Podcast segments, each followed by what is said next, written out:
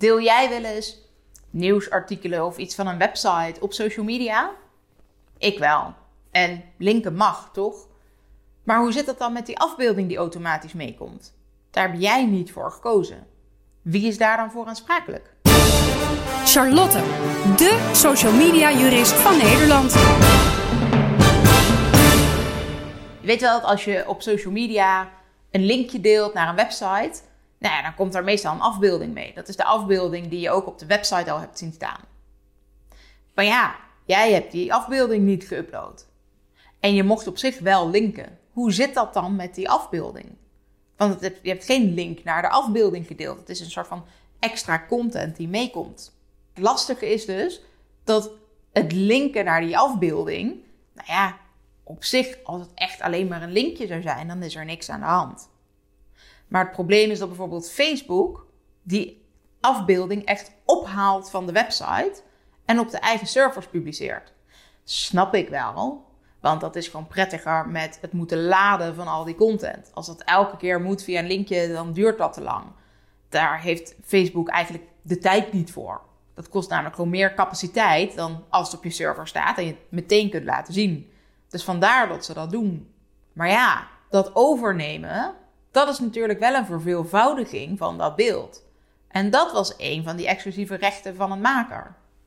Dus kan een maker dat eigenlijk ook tegenhouden. Want als het zo'n exclusief recht is, dan is dat ook het verbodsrecht dat ze hebben. Ze mogen een ander verbieden het te verveelvoudigen. Een aantal jaar geleden hebben we daar in Nederland nog een rechtszaak over gehad. Met het platform MyJour. Zeg maar een soort voorloper van Blendel.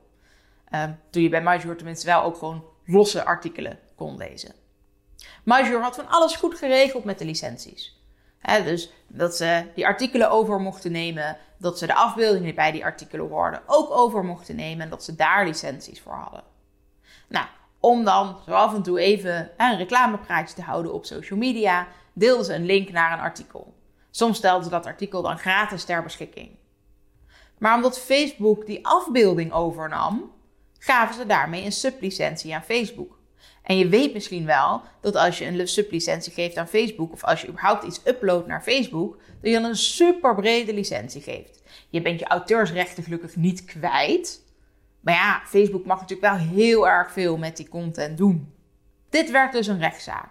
En uiteindelijk zei de rechter: Ja, technisch gezien is het nou eenmaal zo dat er dus een kopie van die foto op Facebook terechtkomt.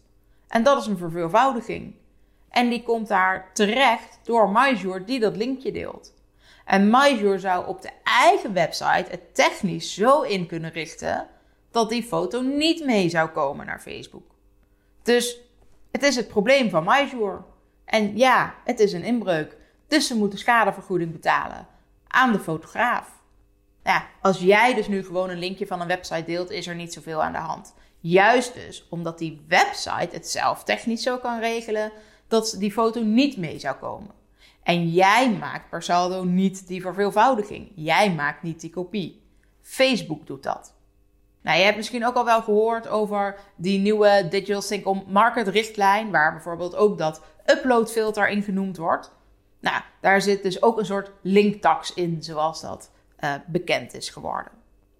Het is geen echte linktax geworden, gelukkig. Linkjes mogen we nog steeds delen. En er staat ook letterlijk in dat we nieuwsartikelen deels twee jaar lang ook mogen delen. Daar komt een soort eigen auteursrecht voor.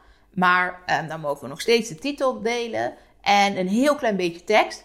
Alleen de foto's, daar wordt niks van gezegd. En een foto is natuurlijk meteen het werk in zijn geheel. Dus daar is niet een uitzondering voor gemaakt.